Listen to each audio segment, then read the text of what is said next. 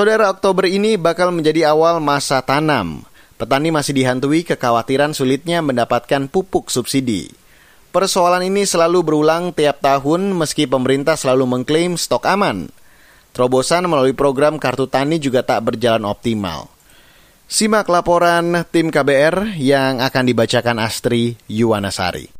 Menjelang masa tanam, Kohar sudah cemas dengan nasib panen tahun depan. Lagi-lagi persoalan pupuk bersubsidi yang sulit didapat. Hal itu dialaminya dan petani lain di Tuban, Jawa Timur selama tiga bulan terakhir. Ia terpaksa membeli pupuk non-subsidi dengan harga lebih mahal di pasaran. Alhasil, panen kemarin tak memberinya cukup untung karena biaya membengkak. Tiga bulan yang lalu sangat langka di sini, susah sekali. Apalagi cari yang pupuk-pupuk yang subsidi itu, gitu. sangat susah. Hanya beberapa apa petani yang dapat pupuk subsidi itu. Di rata-rata kalau kemarin itu harga pupuk yang bersubsidi itu 130, di pasaran itu bisa 170, ada 180, bahkan sampai 200. Karena petani butuh pupuk ya mau nggak mau ya tetap dibeli. Kohar juga belum memegang kartu tani. Menurutnya hanya segelintir petani saja yang mendapat kartu itu di kampungnya. Padahal kartu tani menjadi syarat utama untuk bisa membeli pupuk bersubsidi sejak diluncurkan awal 2020.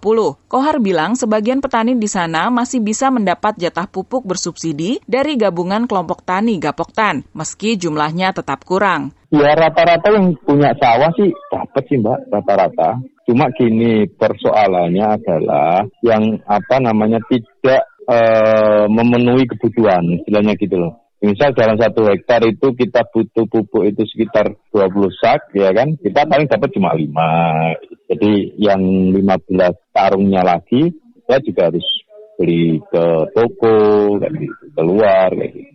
Petani di sejumlah daerah juga sudah menjerit soal kelangkaan pupuk bersubsidi. Menteri Pertanian Syahrul Yasin Limpo menjanjikan segera menambah alokasi pupuk bersubsidi sebanyak 1 juta ton dengan anggaran lebih dari 3 triliun rupiah. Dengan tambahan ini, Syahrul mengklaim ketersediaan pupuk untuk musim tanam selanjutnya aman. Ia berdalih kelangkaan terjadi karena masalah distribusi. Jadi ketersediaan pupuk kelihatannya dari enam provinsi menjadi sampel kami cukup Bapak. Dengan memang memang mungkin distribusi sampai lini lima yang memang kita harus benahi. Kalau masalah pupuk setiap tahun pasti ada yang kekurangan. Oleh karena itu pasti saja ada yang langka Pak. Oleh karena itu mendistribusi ini bukan hal yang mudah di lapangan dan kalau ada kelangkaan seperti kemarin dibilang ada kelangkaan kami turun ternyata enggak Bapak. Jadi ada modus-modus juga seperti ini tetapi itu tadi kalau memang ada kelangkaan yang seperti tadi ketua sudah sampaikan saya kira itu di mana mana tempatnya, kecamatan apa, kita turunkan tim untuk menangani secara langsung di lapangan.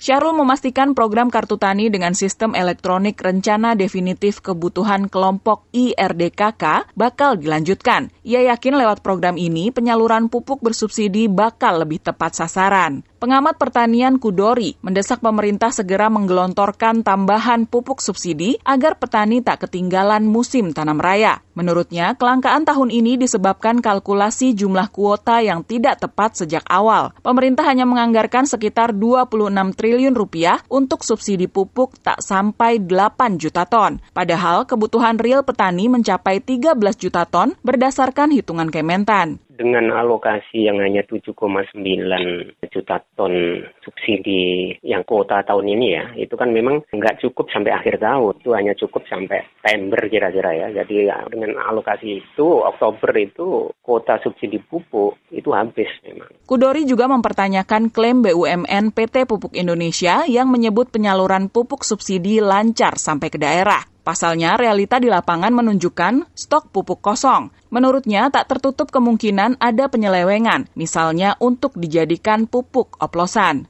Kalau Anda tanya ke pupuk Indonesia ya, mereka pasti jamin normal-normal saja gitu bahwa hmm. distribusi di level kabupaten ya gitu ya. Itu ada barangnya kata dia gitu ya. Nah, tapi bagaimana sampai ke bawah gitu. Saya nggak tahu problemnya di mana. Itu barang eh, yang katanya sampai di lini 4 itu ada, apakah betul teronggok di situ, terus kenapa nggak bergerak? Penyelewengan pupuk subsidi ke penggunaan uh, sektor non subsidi ya, itu selalu berulang setiap tahun. Barang bersubsidi yang ada di pasar, ketika itu barangnya sama, tapi untuk penggunaan berbeda itu harganya berbeda, itu memang sulit untuk diawasi. Program Kartu Tani juga tak luput dari kritik karena belum berjalan di daerah. Masalah pendataan hingga kini masih jadi ganjalan pemerintah harus memastikan bahwa memang yang pegang dan terima kartu tani itu memang pihak yang benar. Tapi kalau sejak awal ternyata itu bukan sasaran yang sebenarnya, ya katanya yang salah kan gitu. Ketika kita sudah bisa memastikan bahwa yang pegang kartu tani, yang dapat kartu tani itu adalah mereka yang memang jadi sasaran, jadi